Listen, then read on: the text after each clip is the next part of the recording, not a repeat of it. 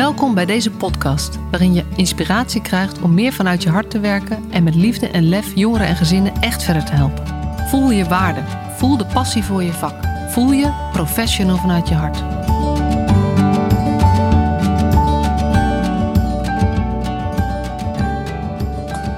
Ja, hallo, daar zijn we weer. Goedemorgen, goedemiddag, goedenavond. Ik weet niet precies wanneer je luistert, misschien wel s'nachts. Goedenacht dan. Um, vandaag heb ik een gesprek met Hedda van Lieshout. En zij is uh, betrokken bij de stichting Eigen Krachtcentrale. En als ik het goed heb, is ze zelfs de oprichter ervan en is ze er ooit mee gestart. Maar dat gaan we allemaal zo meteen van haar horen. Dus uh, ik heb ontzettend veel zin in dit gesprek. En Hedda, van harte welkom. Dank je wel, Masha. En nou ja, de eerste vraag in de podcast, die weet je. Ben jij een professional vanuit je hart? Ja, ik, ik weet die eerste vraag, want ik luister graag naar je podcast. Uh, en ik zei uh, net al, dat is meteen een lastige vraag. Um, want als je vraagt, ben je professional? Dat eerste stukje, denk ik, ja, weet ik eigenlijk niet. Uh, als iemand wel eens vraagt mij voor te stellen, zeg ik meestal, ik ben Hedda en ik ben een moeder en dochter en vriendin en collega. En ik werk bij de Eigen Krachtcentrale. Ik ben ook nog orthopedagoog. Um, en ik doe dat omdat voor mij al die rollen maken wie ik ben. En of ik nou hier uh, in mijn huis zit um, met mijn gezin um, of in een gesprek bij een gemeente. Ik ben al die rollen. En uh, in al die rollen um, doe ik de dingen vanuit mijn hart. Dus dat stukje zou ik zeggen ja. Uh, maar wat bij mij daar belangrijk in is, dat ik in mijn werk, als ik word gebeld door een moeder, ook weet dat ik moeder ben. En dus bedenk, wat zou ik willen dat iemand aan me vraagt? Um, en, en hoe zou ik willen dat iemand met mij omgaat? En zo probeer ik om te gaan. Ik ben ook um, dochter. Uh, dus als ik het, in de ouderenzorg aan het werk ben, mijn ouders zijn inmiddels wat ouder, um, dan bedenk ik ook hoe zou dat voor mij zijn. En dat betekent niet dat ik over mezelf ga praten daar, want dat daar gaat het niet over, maar wel dat ik die rollen bewust ben. En ik denk dat dat heel erg vanuit het hart is. Um, ik ben ook pleegzus. Um, ik zeg altijd gewoon zus, maar formeel ben ik pleegzus uh, opgegroeid in een gezinshuis. En um, dat helpt weer om uh, ook vanuit die rol uh, te luisteren. Dus ja, ik ben vanuit het hart uh, en dat ben ik thuis, dat ben ik in mijn werk.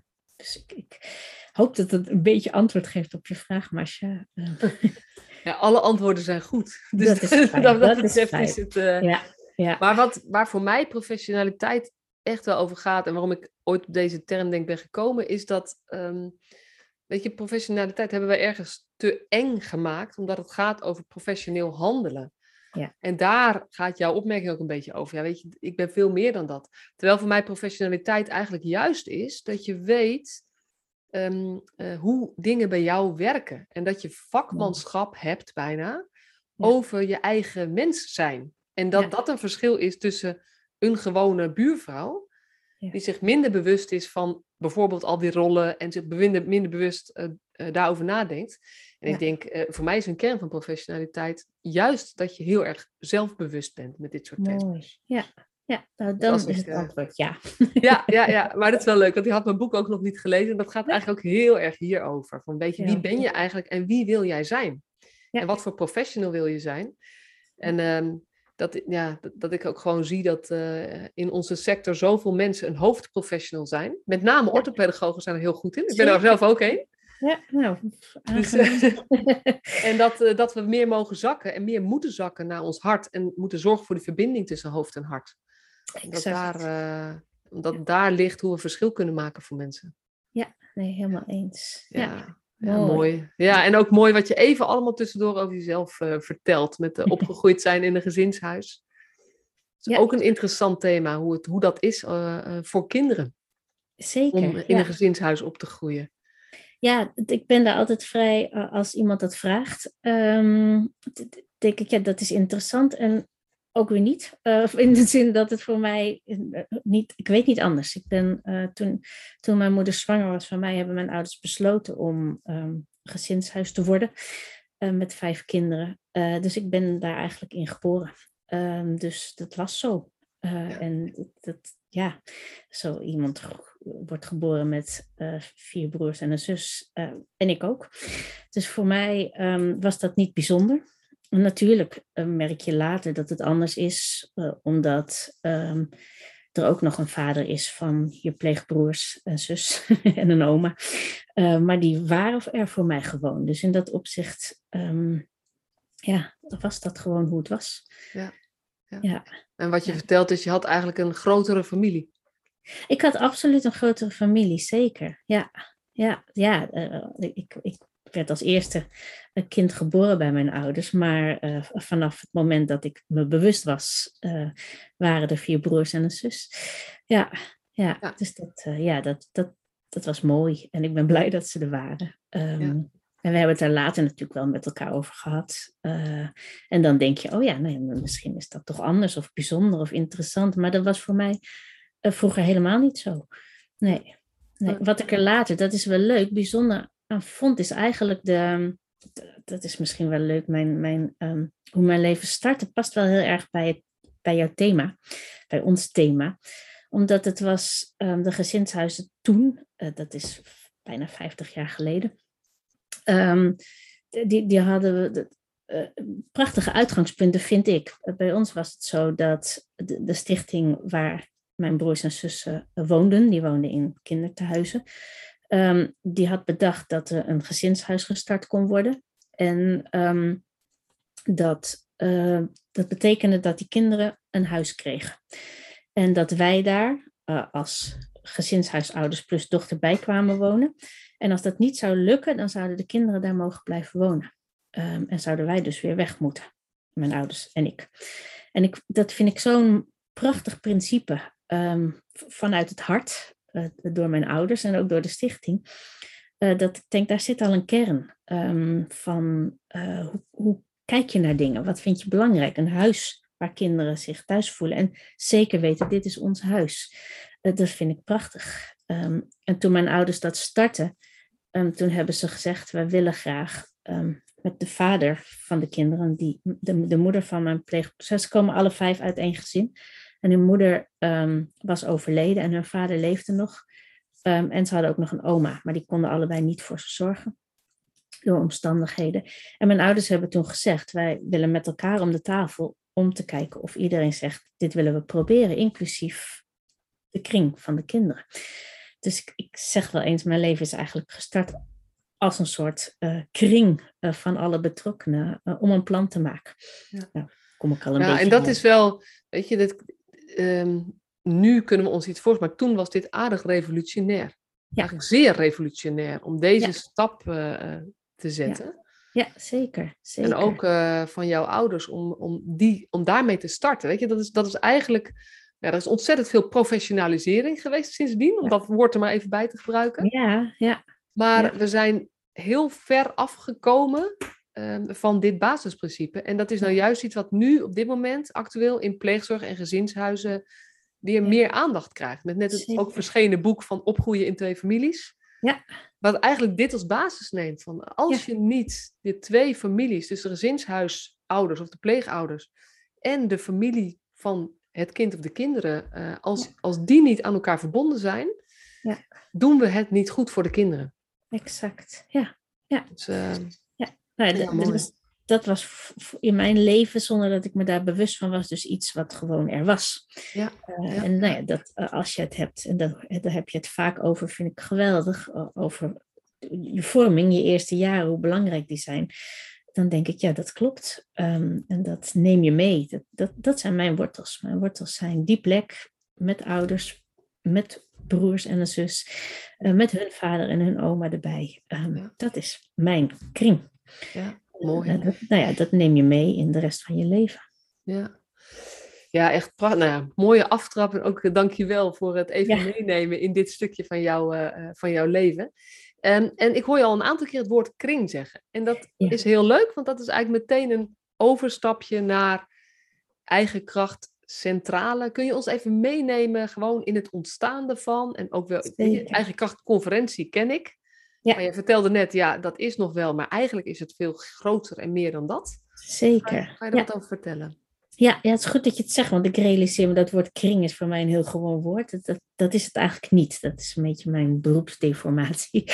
Um, ik moet wel meteen iets rechtzetten, want de, de, eer van het oprichten van de eigen krachtcentrale komt niet mij uh, te boert. Dat is, uh, ik, ik ben er wel al heel lang bij betrokken, maar um, ik ben niet eh, bij de oprichting betrokken geweest. Rob van Pagé is de, degene die, onze, die de Eigen Krachtcentrale heeft opgericht. En samen met een, een, een clubje uh, pioniers um, die toen met name in de pleegzorg uh, werkten. Um, mijn vader was daar ook bij betrokken, die vanuit de pleegzorg, uh, zij deden veel in onder andere programma's voor aanstaande pleegouders, de stapprogramma's. Um, en kwamen via die pleegzorg in contact met Ehm, mensen die in de pleegzorg werkten in Nieuw-Zeeland. En daar ontdekten ze toen in Nieuw-Zeeland de Family Group Conference. En nou, dat is ontzettend boeiend. Dat is zo'n twintig jaar geleden nu. Ehm, en uh, nou, als je het hebt over de wortels, het belang van de wortels, dan, dan moeten we voor de eigen krachtcentrale ook echt naar Nieuw-Zeeland. en eigenlijk naar de oorspronkelijke bevolking van Nieuw-Zeeland, de Maori, waar we heel erg van geleerd hebben dat als het ergens niet goed gaat, er iets aan de hand is, dat je dan de kring groter moet maken. Nou, daar komt de kring. En met kring bedoel ik dan, als het over kinderen gaat, iedereen die belangrijk is voor dat kind. Iedereen die wil dat het goed gaat met dat kind. Um, dan denk je aan ouders, opa's, oma's, ooms, tantes, maar ook goede vrienden, uh, buren, misschien wel collega's van de ouders. En wat de Maori doen, is zeggen: Kom allemaal meedenken. We hebben iedereen nodig. En we gaan bij elkaar zitten en we denken na net zolang tot we een plan hebben. Dat is waar de eigen krachtcentrale later um, de eigen krachtconferentie van gemaakt heeft. Een bijeenkomst rond een kind van iedereen die belangrijk is om mee te denken. Het is wel, ik, ga heel even, want ja, tuurlijk. het gaat heel snel. Ja. Uh, ik hoor hier ook Science of Safety, de basis van Science of Safety, zeg maar. Ja. Uh, hoor ik daar ook in terug. En ik moet meteen denken aan, ik weet niet of je dat kent, van uh, Danielle Brown, die, uh, die is cultureel antropoloog. Hoor, en die heeft het altijd over insluiten, een cultuur van insluiten of uitsluiten. Exact, ja. En ja.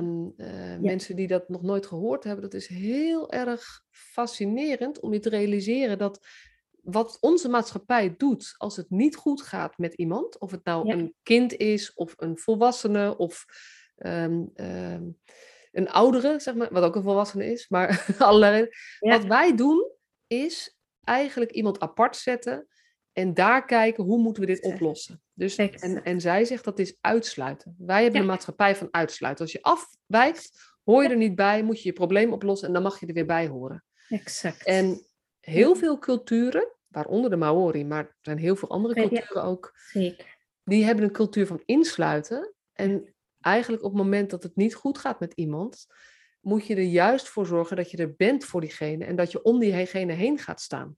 Exact. Want het ergste wat je kunt doen is als het niet goed gaat met iemand, um, geen deel meer laten uitmaken van de groep. Ja, en toch blijven wij dat doen. Ja. En ik, nee, uh, jij bent orthopedagoog, ik van oorsprong. In de studie zit dat ook erg, hè? de behandeling van een kind. Uh, uh, en ik heb niet geleerd in mijn studie um, dat er bij dat kind die hele groep hoort. En dat je dus nou ja, moet insluiten om echt tot een oplossing te komen die past bij dat kind en uh, de omgeving waar het kind in hoort. Ja. Ja, insluiten Wanneer heb je je opleiding gedaan? Poeh, ik ben in... Uh, Ook jaren negentig. Uh, ja, ik ben in 95 afgestudeerd. Oh, ja. Het zijn echt van dezelfde ja. generatie zo'n beetje. Ja, leuk. Ja. Waar, waar wij? In Leiden. Oké, okay, ik in Amsterdam. Ja. ja. Want wat bij mij toen heel erg is, is, um, blijven hangen, is wij, wij werkten wel heel veel met het model van Bron van Brenner. Ja. Maar wel ook, uh, dat was voor mij, de reden, voor mij was de reden om pedagogiek te doen, omdat ik dacht, het gaat niet om het kind. Dus de pedagogiek in plaats van psychologie. Ja. Ja. Alleen was het nog weer minder ver doorgetrokken dan waar wij het nu over hebben, zeg maar. maar wel van, een, een kind is wel, het is alleen maar in samenhang met de omgeving dat er iets ontstaat of ook iets opgelost kan worden. Nee, dat, dat, eh, klopt wel, Masje, maar wat ik in mijn studie merkte is, omgeving werkt dan heel vaak wel beperkt tot ouders en misschien een opa of een oma. En dat is ook, je vergeleek het even met Science of Safety, ook daar mis ik vaak de bredere kring. En het wordt wel naar gevraagd, maar het echt investeren in tijd, in aandacht aan die bredere kring, die mis ik daarin. En die miste ik ook tijdens mijn studie. Dus omgeving wordt dan heel vaak beperkt tot ouders. Ehm, en misschien een opa en een oma, maar niet die 10 tot 15 mensen waar wij um, op komen. En als je echt gaat insluiten, kom je daarop. Ja. ja. Wat ik nog even, uh, want ik noemde de Maori's als belangrijke uh, wortel. Wat ook nog wel goed is om even te noemen als je um, vroeg naar de oprichting van de eigen krachtcentrale, is de, de overheid van Nieuw-Zeeland, want daar hebben wij heel veel aan te danken. Die um, hadden in de jaren negentig eigenlijk twee um, problemen. Eén uh, probleem was dat um, de, de minderheidsgroepen, de Maori's, zeiden hoe jullie het stelsel van jeugdzorg hebben ingericht, dat past niet. Er zijn veel meer van onze kinderen uit huis geplaatst, in tehuizen terechtgekomen, in jeugdgevangenissen, dan kinderen van andere um, oorsprong hier in het land. En dat komt omdat jullie stelsel helemaal geen rekening houdt met onze manier van besluiten nemen. Tweede probleem dat de overheid had, en die is wel herkenbaar in Nederland, was een, financieel probleem. Zij hadden hun stelsel zo uh, professioneel ingericht uh, dat er voor ieder probleem wel een loket was, zeg ik even in mijn woorden. En als je bij een professional kwam, um, dan ging hij met je praten. En de volgende stap was doorverwijzing naar twee andere professionals. Ik zeg het even heel zwart-wit. Um, maar dat was niet meer houdbaar.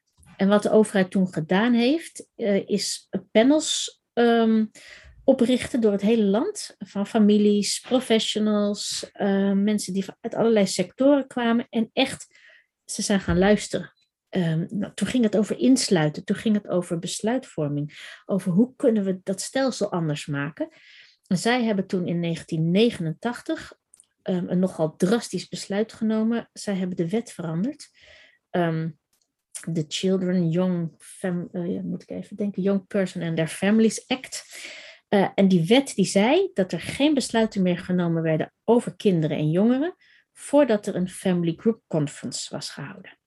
Dat is wat wij later zijn gaan vertalen naar een eigen krachtconferentie. En die Family Group Conference ging dus over insluiten, zoals jij dat zo mooi terecht noemde.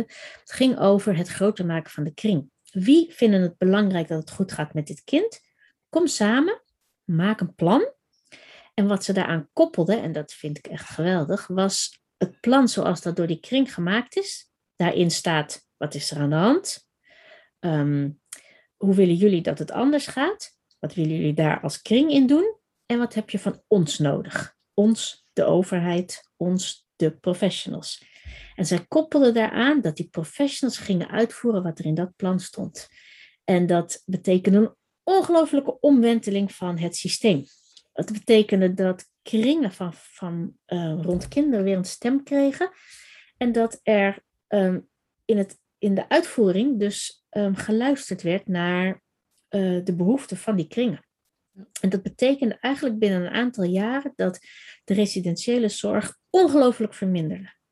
Uh, en wat ik daar dus van geleerd heb, en ik vind het prachtig, um, is dat als je mensen echt de kans geeft om samen na te denken over hoe moet het anders en wat kunnen we doen, dan worden er oplossingen gevonden die passen bij het kind en bij zijn omgeving. En bedenken families dus eigenlijk niet het lijkt ons een goed idee als we dit kind eens in een um, veilige, bosrijke omgeving plaatsen.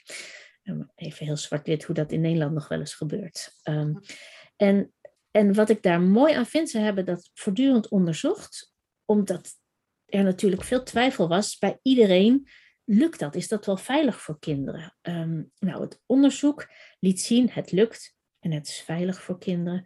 Uh, families vragen ook nog steeds professionals. Um, maar um, doordat je ze regie laat behouden, gaan ze ook verantwoordelijkheid nemen. Ja, ja, wij, ja, ik, ja, ja, ja, ja. Ik, weet je, ik zit hier echt ademloos te luisteren. We hadden het net al even over, weet je, wat mijn verhaal is bij training. En ik ken deze achtergrond allemaal niet, maar dit is wel ook helemaal hoe ik um, ja. denk waar, waar we naartoe moeten. Mooi. En wat ik daaraan wil koppelen is, um, wat we in ieder geval in Nederland doen. We, nou ja, wij zien nog wel, zeg maar, ik weet niet of we het altijd zien, maar in ieder geval in de praktijk bieden we plekken buiten families aan als oplossing voor de problemen binnen families. Ja.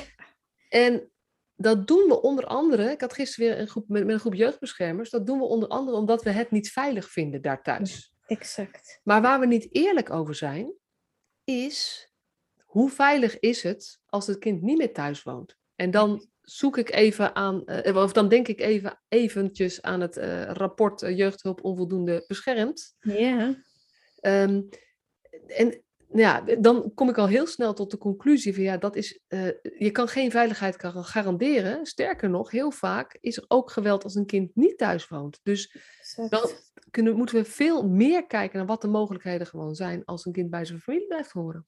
Exact, ja. Ja, en wat, wat ook nog boeiend is, we hebben in Nederland ook heel veel onderzoek uh, laten doen naar uh, wat gebeurt er als kringen plannen maken. En er is heel veel over te zeggen, maar even reagerend op wat jij nu zegt. Um, het is een heel boeiend onderzoek die gekeken heeft in situaties waar het echt ging over onder toezichtstellingen, dus waar veel aan de hand was uh, en mogelijke uithuisplaatsingen. Zijn ze gaan kijken wat gebeurt er als je start met zo'n eigen kracht bijeenkomst. Um, een family group conference die wij eigen kracht conferentie zijn genoemd. Dus een bijeenkomst met de brede kringen rond een kind gericht op het maken van een plan. En wat blijkt is dat um, zo'n grote uh, kring um, een veilig plan maakt. En ook niet altijd besluit om het kind bij de ouders te laten. Omdat ook die kring zegt, dat is ook nog leuk, uh, ze ontdekten ook dat de brede kring dezelfde criteria voor veiligheid aanhoudt als professionals. Dus het ging over precies dezelfde dingen. En zo'n kring zegt niet per definitie dat het kind moet bij de ouders wonen. Wat de kring wel zegt, is het kan nu tijdelijk niet bij de ouders, maar wij vinden een plekje binnen ons netwerk bij familie, een oom en tante of goede vrienden. En ondertussen steunen wij de ouders en begeleiden wij de ouders. Vragen we soms ook professionele hulp daarbij. Om met elkaar de verbinding te houden met de ouders en te kijken hoe dat kind zo snel mogelijk weer terug kan. Dat was wat er gebeurde in die plannen. Um, en um, er werden dus veilige plekken gevonden voor kinderen, maar binnen het, de kring. En wat daar zo, uh, het onderzoek zei, wat daar zo mooi aan was, is dat um, ze scoorden de gezinnen die een eigen krachtconferentie kregen en de gezinnen die de gewone weg bewandelden, scoorden na een jaar uh, even uh, goed op veiligheid. Dus ook die, die kinderen die, die ergens anders geplaatst werden, waren wel veilig op enig moment. Waar het grote verschil in zat, was dat de kinderen met de eigen krachtconferentie veel sneller veilig waren. Want een kring is, goed in staat om zonder wachtlijsten en, uh, een, een, passende plek te vinden. En uh, ze scoorden vele malen beter op welzijn, omdat het kind bijna nooit weg hoefde uit de omgeving. Dus op zijn eigen school kon blijven, zijn eigen vriendjes en vriendinnetjes kon behouden. En in verbinding bleef met de mensen die belangrijk waren. Terwijl die andere groep, die werden vaak, omdat daar plek was, woonden ze in Amsterdam, werden ze in Groningen geplaatst. En werd ook nog eens niet nagedacht over de uh, verbinding met de kring. Dus daar um, zit het verschil. Um, uh, als je uh, kijkt naar hoe kan het anders. Nou, dan, dan um, dan doen kringen het heel goed en op veiligheid en op welzijn. Ja. En het woord kring gaat gewoon om de mensen om het kind heen of om de ouderen heen, als je met de ouderen, gewoon de mensen om iemand heen. En dan gaat het om um, dat als er sprake is van zorgen of onveiligheid of, of nou ja, dreiging, dan is de insteek eigenlijk maak de kring groter. Exact. Ja. Ga op zoek naar mensen. Welke mensen zijn er nog meer die ook hierin het belangrijk vinden dat het goed gaat met dit kind of goed gaat met dit gezin of ja. dat. En door het groter maken van die kring, ja. daar, dat is eigenlijk de belangrijkste interventie. Want dan kunnen zijn, want een kleine kring, ik zit even te denken, gewoon een, een gezin uh, en, en een kind waar zorgen over zijn, die met elkaar aan het worstelen zijn. Hoe, hoe overleven we dit? Waar van alles gebeurt waar we ons zorgen over maken. Ja. Um, in die kleine kring is het ook niet meer op te lossen. Dus je hebt meer mensen en je hebt input van buitenaf nodig exact. om in die kring iets te veranderen. En het grote verschil is, haal je dat van buitenaf uit je eigen kring of ga je dat van buitenaf professioneel toevoegen? En wat is daarin de eerste stap?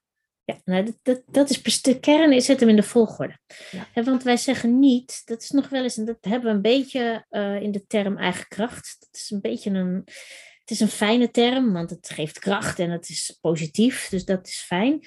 Hij is lastig omdat het soms lijkt alsof mensen het allemaal zelf moeten doen op eigen kracht. daar, daar zit hij niet. Voor, voor ons bij de oprichting van de eigen krachtcentrale ging het erover dat we het normaal maken in onze samenleving dat als het ergens niet goed gaat, je niet vergeet dat ieder mens anderen heeft die het belangrijk vinden dat het goed met hem gaat. Dat we die stap als eerste zetten, die weer verbinding zoeken met die mensen.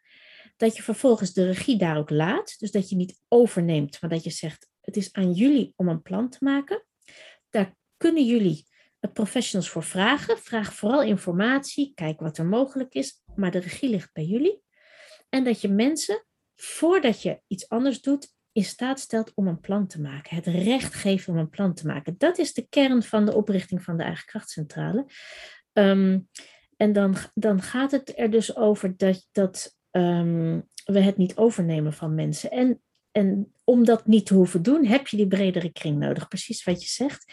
En denken wij vaak te beperkt. Um, uh, en dan denken mensen zelf ook te beperkt. Hè? Want de, als wij starten bij een gezin, is de, de, het meest gegeven antwoord is: oké, een, een, netwerk, een kring van mensen, die hebben we eigenlijk niet. Dat is de, de nummer één um, antwoord. Omdat mensen zelf ook niet meer geneigd zijn om zo te denken. En van professionals um, die zeggen: prachtig idee, beste mensen van de eigen krachtcentrale, hartstikke leuk. Ik snap het ook helemaal.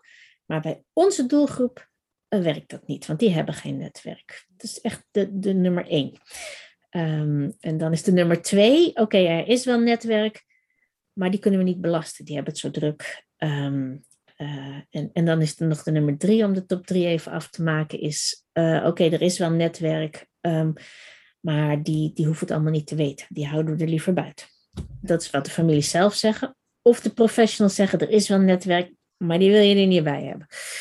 Um, nou, dat, dan, dus dat maakt ook al helder hoe het niet meer in ons systeem zit, zowel bij professionals als bij families, om in kringen te denken, om in bredere familie- en vriendenverbanden te denken. Um, en, nou ja, ja, dus waar we het eigenlijk over hebben is, um, we moeten niet zozeer een andere interventie inzetten.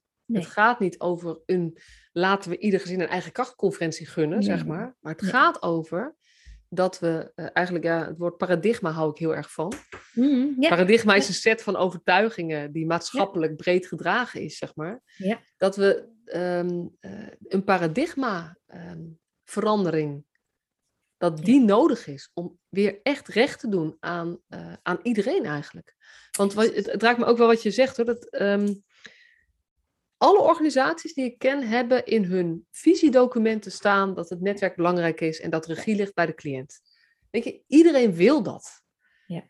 En vervolgens, als je naar de praktijk kijkt en luistert, en dan heb ik het nou ja, bijvoorbeeld over de, de top drie klachten bij het AKJ, mm-hmm. gaat over nou, bejegening, dus, dus hoe wordt er met me omgegaan, maar gaat ook over de manier waarop beslissingen worden genomen, omdat die over het hoofd heen worden genomen. Zo ervaren mensen dat. Ja.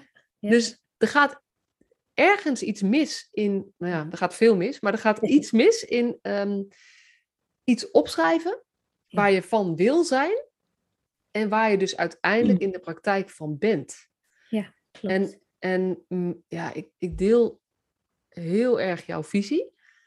Jullie visie. Het is niet alleen van jou, het is ook niet alleen van mij, het is echt van ons, zeg maar. Zeker, ja. Maar uh, er zitten, we hebben heel veel stappen te nemen in het anders gaan kijken naar nou ja, maar bijna alles in het sociaal domein. Ja, absoluut. Ja, ja. en het is, het is positief. Ik, ik, sinds ik, ik werk nu een jaar of 16, mag ik het werk doen. Um, en mijn um, mensbeeld, maar ook vooral beeld van de samenleving, is zoveel positiever geworden doordat ik zo mag zijn, mag werken, mag denken. Omdat ik merk dat als, je, als het je lukt om op deze manier door te vragen, met mensen het gesprek aan te gaan, dan zegt iedereen ja, natuurlijk. En iedereen zegt maar wat fijn dat je me vraagt. Um, want ik zag wel dat het niet zo goed ging met mijn buurkinderen, maar ik dacht, wat doe ik dan? Uh, en, en mensen zijn ongelooflijk bereid om mee te denken en ongelooflijk bereid om iets voor elkaar te doen. Uh, vinden dat fijn. Um, maar het, is niet meer zo gewoon dat het gebeurt. Dus ik zie dat het met mijn buurkinderen niet heel goed gaat. En dan vraag ik wel aan de buurvrouw hoe gaat het. En dan zegt ze, nou, het gaat goed hoor. Um, en dan denk ik, nou, ik ga me niet doorvragen, want dan bemoei ik me ermee. En die buurvrouw denkt, ik vraag haar dan maar niet, want uh, nou, die heeft een drukke baan en nog een gezin. En, ehm, en dan komt het niet samen. En wij merken dat als we daar wel ehm, aandacht aan besteden, echt tijd in investeren om door te vragen op en wie zou je dan daarbij willen hebben, dat die er eigenlijk altijd zijn. Wij merken, onze, de kringen die, die wij maken van familie, vrienden, buren, bekenden, zijn door de jaren heen, schommelt het een beetje, maar het zit altijd tussen de 10 en 15. En dat is dan echt in situaties waar veel aan de hand is, hè? want anders komen wij sowieso niet in beeld. Um, dat is toch een prachtig idee, Masha, dat je dus ieder kind, maar, maar ook volwassenen, heeft een kring van 10 tot 15 mensen. En soms zijn het er vijf, het gaat niet om de aantallen, en soms zijn het er 30. Maar waar het om gaat, is dat het altijd meer mensen zijn dan we denken. Ja. En dat die mensen heel erg bereid zijn om mee te denken als het niet goed gaat. Ja. Dat is ook nog wel een, een, belangrijke, want we hebben de neiging, als we doorvragen, dat is ook wel iets wat professionals um, vaak doen, is doorvragen op wie kan jou helpen. En dan leggen we een enorme drempel, want ik wil niet geholpen worden. Uh, en, en hulpvraag is een lastige. Wij vragen altijd, zijn er mensen die met je mee kunnen denken over een plan? Mensen die belangrijk voor je zijn, die willen dat het goed met je gaat. Um, mensen die jij vertrouwt. Nou, ik heb een eindeloze vraag, arsenaal waar, waarop ik door kan. Um, maar het gaat over mensen die willen meedenken. Want stel dat je een kring hebt van tien mensen. Je moet er niet aan denken dat die alle tien heel veel gaan doen voor je. Dat is heel veel. Ja. Um, sommige mensen moeten daar wel aan denken, maar veel niet. Wat wij zien is dat een deel echt heel iets voor je zal gaan doen. En een deel zegt, maar ik ben er voor je. En als het nodig is, weet dat je me kan bellen. En die mensen heb je ook nodig. En dat zijn ook vaak mensen die in zo'n kring uh, prachtige kennis inbrengen. Van weet je nog hoe we dat vroeger deden? Zullen we dat weer doen? Uh, dus je hebt meedenkers heel hard nodig.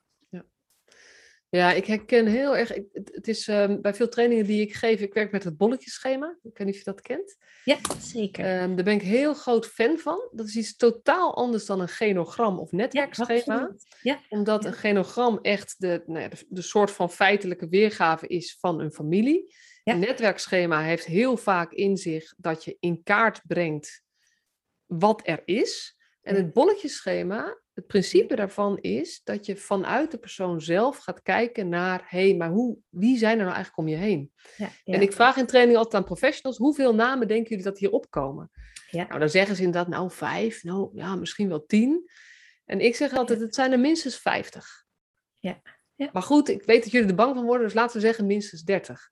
En het heeft echt met, met jouw manier van kijken te maken hoeveel mensen daar verschijnen. En dat is dus iets waar je jezelf in kan trainen. En het gaat over open je blik. Welke vragen stel je? Precies. En er zijn eigenlijk dan, nou ja, ik, ik moest ook wel, jij zei van, uh, uh, ik vind het heel erg mooi, wie kan er met je meedenken? Vind ik super mooi. Wat mij opvalt is dat als professionals, dan hebben ze op een gegeven moment denken ze, oké, weet je, er zijn inderdaad meer mensen. Maar dan gaan zij meteen door in de volgende trap, wie kunnen we dan inzetten? Ja, exact. Ja. En hier gaat het mis. Want niemand wil ingezet worden in het plan van een ander. Precies. Want dan, neem je, dan, dan zeg maar, mag je iets uitvoeren in plaats van dat je zelf regie houdt. En zelf dat, je, dat het over jou gaat en dat het van jou is. Exact. Dus het is, uh, het is de toon die de muziek maakt hierin. Absoluut. En hierin hebben wij als professionals gewoon, nou, ik wil niet zeggen een jas aan te doen, tien jassen uit te doen. Precies. En kleiner te worden en te realiseren, als het er echt op aankomt, kan ik er niet zijn voor dit gezin. Ja. Want mijn werktijden zijn van uh, eh, 9 tot 5, of ik ben op, uh, ik, ik ben op maandag en uh, donderdag vrij. en het, als het echt het lastigste is, is het s'nachts of in het weekend. Exact, ja. Dus daar gaat het om en daar moeten we zijn. Precies, het is een beetje, het is mooi wat je zegt, maar ik moet dan denken, de vertaling ook vanuit de overheid voor professionele systemen van um, deze visie, die zat hem bijvoorbeeld in keukentafelgesprekken. Um, dat is precies waar het misgaat, uh, omdat een keukentafelgesprek, wat hij doet, is de kring een beetje groter maken, maar eigenlijk vanuit een plan dat er al ligt. Dus, zo zie ik hem vaak. En er zijn natuurlijk uitzonderingen, maar ik doe even wat ik heel veel zie gebeuren. Dan ligt er eigenlijk al een plan vanuit de organisatie. Van, en dan zoeken ze mensen bij dat plan voor de invulling. Dan zeggen ze, weet je, wij kunnen dit en dit regelen. Maar in het weekend, ja, dan, dan hebben we niet veel aanbod. Dus heb je niet een oom of tante die daar iets kan doen? Ja. En dan vragen we mensen erbij om precies wat jij zegt, Marcia, in te zetten. En dan zeggen mensen, uh, ja, nee, zo, dat wil ik niet. En wat mensen dan gaan zeggen is, wij hebben recht op zorg. Dus dan komt die, die discussie. Um, dat was een beetje toen, toen in, in de troonrede ineens de koning de participatiesamenleving noemde. Toen ontstond een beetje deze vertaalslag. En dan gaat het dus over het nemen van verantwoordelijkheden. Terwijl wat wij heel erg geleerd hebben, wat wij heel erg ervaren hebben, is dat de kern zit in het laten van regie bij mensen. Laat mensen vertrouwen erop, dat is ook wel een heel essentieel woord, vertrouw erop dat mensen zelf een plan kunnen maken. Ehm, en, vertrouw dan ook echt, dus laat los. zeg tegen mensen, dit um, is eventueel het kader als dat er al moet zijn dit kunnen wij bieden, maar maak, maak een plan zoals dat bij jullie past. Als je daarop vertrouwt, hebben we gezien dat mensen verantwoordelijkheid gaan nemen. Maar keer hem niet om. Um, keer hem niet om door te zeggen, jullie moeten verantwoordelijkheid nemen en dus gaan we jullie inzetten.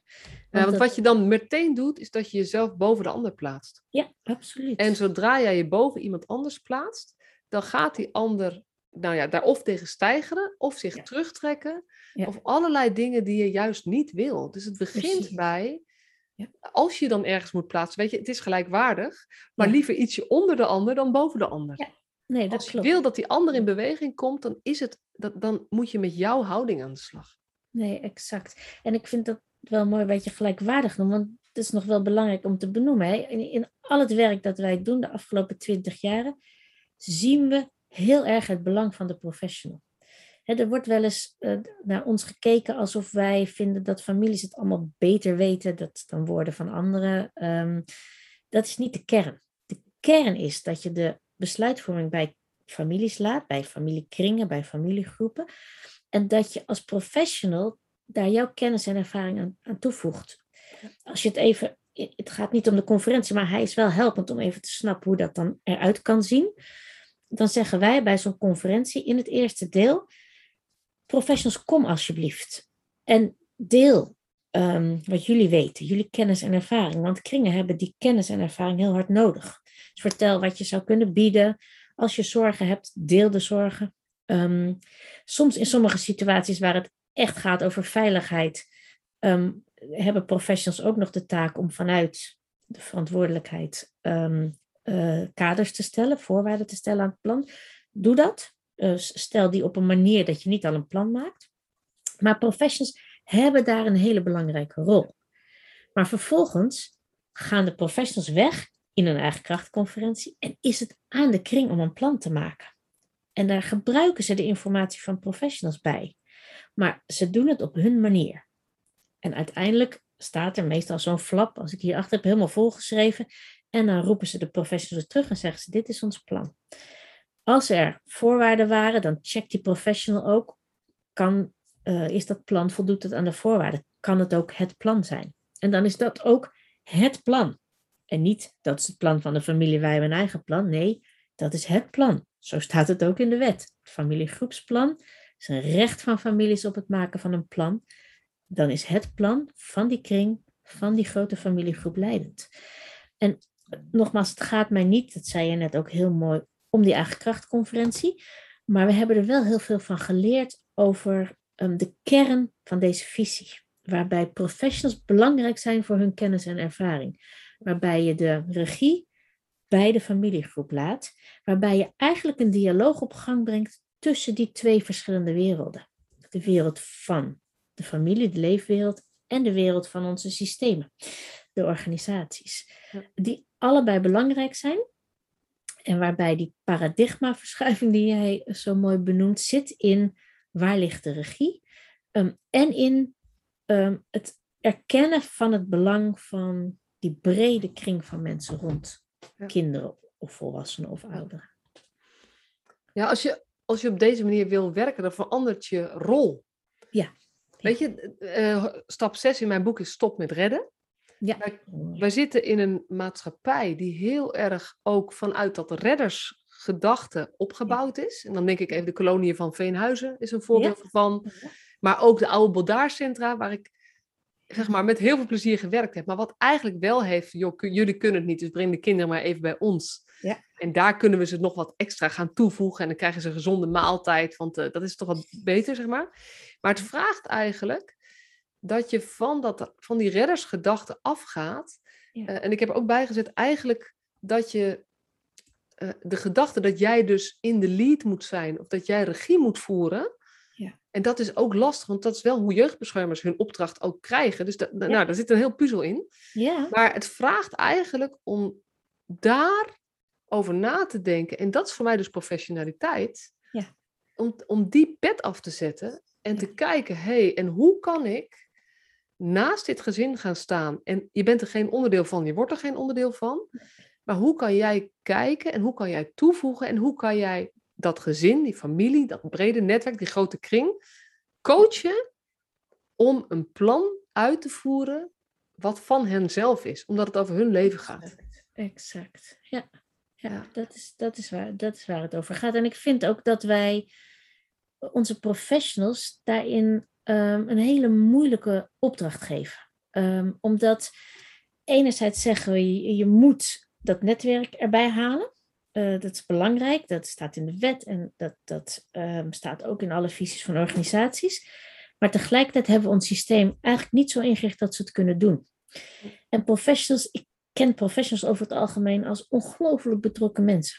Um, die echt met, met hart uh, um, voor de kinderen uh, gaan. De, veel redders, dat, dat deel ik met je, dat herken ik. Maar voor mij zit daarnaast nog dat ons systeem um, ook niet ingericht is op die paradigmaverandering. Uh, en dat start al met het, met, nou ja, kom ik weer met het woord vertrouwen. Um, als professional moet je dus uitstralen en ook echt voelen en doorleven dat je erop vertrouwt dat een kring een plan kan maken. Maar om dat te kunnen doen als professional, moet jij ook weer vertrouwen krijgen van je organisatie dat als je zo werkt, je het goed doet. En bij organisaties waar ik kom, vindt iedereen het belangrijk, maar even heel kort door de bocht gezegd, worden mensen uiteindelijk nog steeds afgerekend op hoe vaak heb je die methodiek ingezet. Bij, bij veel organisaties, hoeveel bedden waren er gevuld? Um, ja, de gezinshuizen zijn vaak zo. Hè? dan moeten, om het te kunnen redden, um, moeten de bedden gevuld blijven. Uh, en, en, residentiële groepen ook. Ja, exact. Hetzelfde. Ja. Als dat nou je, uh, de manier is waarop je aan het eind van de maand kijkt van hé, hey, hoe, hoe, kun je verder? Dan is het bijna onmogelijk om te doen waar jij en ik um, um, heel erg voor staan. Namelijk zorgen dat een kind zoveel mogelijk binnen zijn eigen uh, omgeving uh, verder kan. En niet omdat ze dat niet zouden willen, maar omdat we het zeggen dat het belangrijk is en het tegelijkertijd bijna onmogelijk maken. Dus ja, het is een soort van het is een soort van dat de, het lange, de lange termijn visie is er wel, ja. maar hij is niet leidend in de praktijk, omdat de praktijk alleen maar korte termijn gericht is. Ja. En sterker nog, uh, in, weet je, dit is ook de week waarin weer een aantal onderzoek van Follow the Money, zeg maar, uh, over de ja. jeugdzorg in het rood is gekomen. Omdat um, uh, eigenlijk jeugdzorg, zeker de grote organisaties waar we het ook over hebben, functioneren als vanuit, vanuit een armoedebrein. Ja. En dan kun je niet handelen in de praktijk alsof je eh, met echt oog op de lange termijn. Dat, dat vraagt, gewoon, vraagt gewoon andere dingen. En uh, ik zei, jij zegt het heel erg mooi. En helaas pijnlijk herkenbaar. Ja, ja. ja en, en dan denk ik, en, aan de ene kant denk ik, oké, dus het stelsel moet om en dan komt het goed. En tegelijkertijd weet ik, er zijn andere stelsels geweest. Het gaat niet alleen over, over uh, hoe wij het ingericht hebben, ik geloof erin dat we met professionals deze omwenteling ook kunnen maken. Want als je zo gaat werken, blijkt er veel meer te kunnen dan je van tevoren dacht. Zeker, zeker. En dat is eigenlijk ehm, eh, ja, de mensen die ik spreek en die dit gaan doen. En nou, je hebt een grote klus bij, uh, bij Entrea Lindenhout in uh, oh ja. Nijmegen, Ubbergen, um, een grotere omgeving. Waar we eigenlijk dit proberen mee te nemen in kleine stapjes. Ehm, en waar we bijvoorbeeld, een van de kleine, grootste veranderingen is dat het woord hulpverleningsplan vervangen is door toekomstplan. Mooi. Ja. En dat de jongere zijn toekomstplan maakt. Ja. Wat, weet je, en er zitten allerlei haken en ogen aan. En het loopt nog helemaal niet zoals we zeg maar, hier in Utopia denken. Maar het is echt een stap in de goede richting. Mooi. Waarbij je, want ik zeg altijd, een hulpverleningsplan, een S achter een woord betekent van. Dus het is gewoon een plan van de hulpverlening. Dat hele woord zouden we moeten schrappen. Zeker, ja. En, en het familiegroepsplan, zeg maar, dat is, dat is uh, maar ja, daar hebben jongeren weer niet zoveel mee. Als het over een jongere gaat, die, die loopt niet warm voor een familiegroepsplan. dus het toekomstplan is echt ja. van gedachte van, hé, hey, maar jongeren en, en zijn familie moet ik eigenlijk kijken naar de toekomst. Waar willen we naartoe? Ja. Maar ik snap wel waar die vandaan komt. Uh. Ja, ja. En, en familiegroep is ook niet. We hebben best wel veel bijeenkomsten uh, waar het niet zozeer over familie gaat. Van mensen die zeggen: Mijn familie, dat is het niet. Maar ik heb wel een, een, groep van vrienden die, die echt um, voor mij door het vuur zouden gaan. mogen die meedenken? Dus dat, dat komt ook uh, voor. Uh, weet je, we hebben, het is geweldig. We hebben door de jaren heen zo'n zo'n 13.000 van die bijeenkomsten mogen organiseren. Die zijn ieder stuk voor stuk uniek. Ja. En dat is zo mooi, omdat je daarin dus merkt dat uh, als je echt gaat luisteren naar mensen, dan maken ze een plan dat volledig bij hen past. Ja. Um, ja. En, en dat, dat als professionals dat ook zien. Er zijn, er zijn heel veel professionals die dit snappen, die het heerlijk vinden om zo te kunnen werken. Ja. Um, en waarom ze dat zo fijn vinden, is omdat ze een andere rol krijgen die hen dus past waarin ze aangesproken worden op hun expertise, op hun kennis. Ja. En um, omdat ze een veel prettigere samenwerking krijgen met jongeren, kinderen en jongeren. En met meer mensen. Dus dat je um, ook verbinding hebt met um, ja. mensen die weer belangrijk zijn daarbij. Dat maakt je werk veel lichter. Ja. En dat is wat ik ook professionals zo gun. dat het werk lichter wordt. Dat ze voelen dat ze mogen vertrouwen op die bredere kring en daarmee verantwoordelijkheden kunnen delen. Ja. Um, ik vind dat wij het professionals echt veel te moeilijk maken. Um, Ja. En um, dat we daarmee geen recht doen aan de kern van uh, hun werk. Hun werk, ja. Uh, dus, dus als je op deze manier gaat denken en werken, wordt het voor gezinnen beter, Um, maar ook voor professionals. En Ja. uiteindelijk ook voor ons systeem. Ja. De, de missie van de eigen krachtcentrale die is wel heel groot. Hè? Die zit in een verandering van, van het hele systeem. Hè? Een wereld waarin het normaal is dat we niet vergeten dat mensen kringen hebben. Zo groot uh, maken we het. Ja. Maar um, tegelijkertijd starten we klein. En steunen we op het niveau van iedere familie die ons belt. Die zegt, luister, uh, wat er nu gebeurt dat klopt eigenlijk niet. Um, hoe kan het um, dat ons kleinkind uit huis is geplaatst, terwijl wij op geen enkel moment gevraagd zijn om mee te denken? Dat gebeurt heel vaak. Ja. Um, uh, en, Ik ga je even onderbreken. Ja. Want we hebben eigenlijk een positief probleem. Oké. Okay. We zijn eigenlijk voor door de tijd van de podcast heen. dat vliegt. Dat vliegt, hè? Maar ik wil eigenlijk nog heel graag met je doorpraten. Dus we gaan hem voor nu even afsluiten, lieve mensen. Dit, um, dit was deel 1. En uh, ik ga even met Hedda overleggen of we dat nu meteen doen. Maar we gaan nog een deel 2 opnemen om door te praten. En ook uh, zou ik je dan willen vragen, later gewoon eens een aantal concrete voorbeelden van Mhm. prachtige uh, dingen die onmogelijk lijken. Te laten zien van ja, als je op, het, op deze andere manier aanvliegt, kan het ook andere dingen naar voren brengen. Dus dank jullie wel, uh, dank je wel voor dit deel. Dank. En uh, lieve mensen, uh, jullie zien vanzelf wanneer deel 2 ook verschijnt. Maar uh, ik denk uh, al heel erg snel.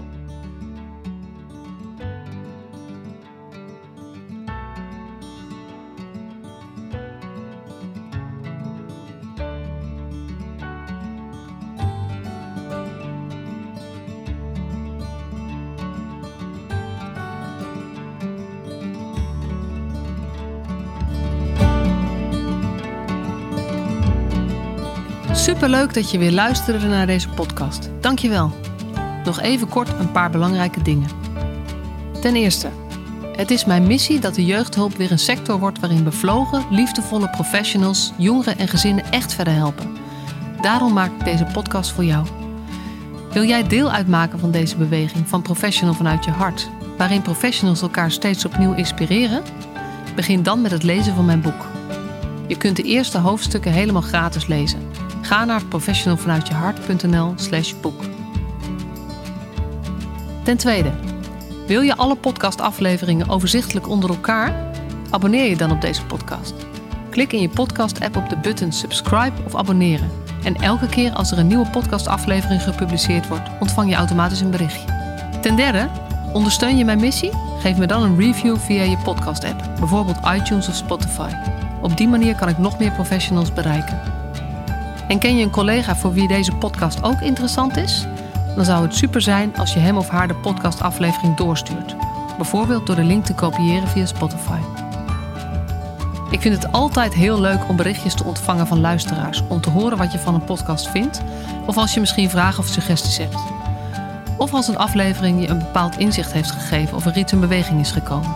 Stuur me dan even een berichtje op masha.professionalvanuitjehart.nl via de website of stuur me een connectieverzoek op LinkedIn.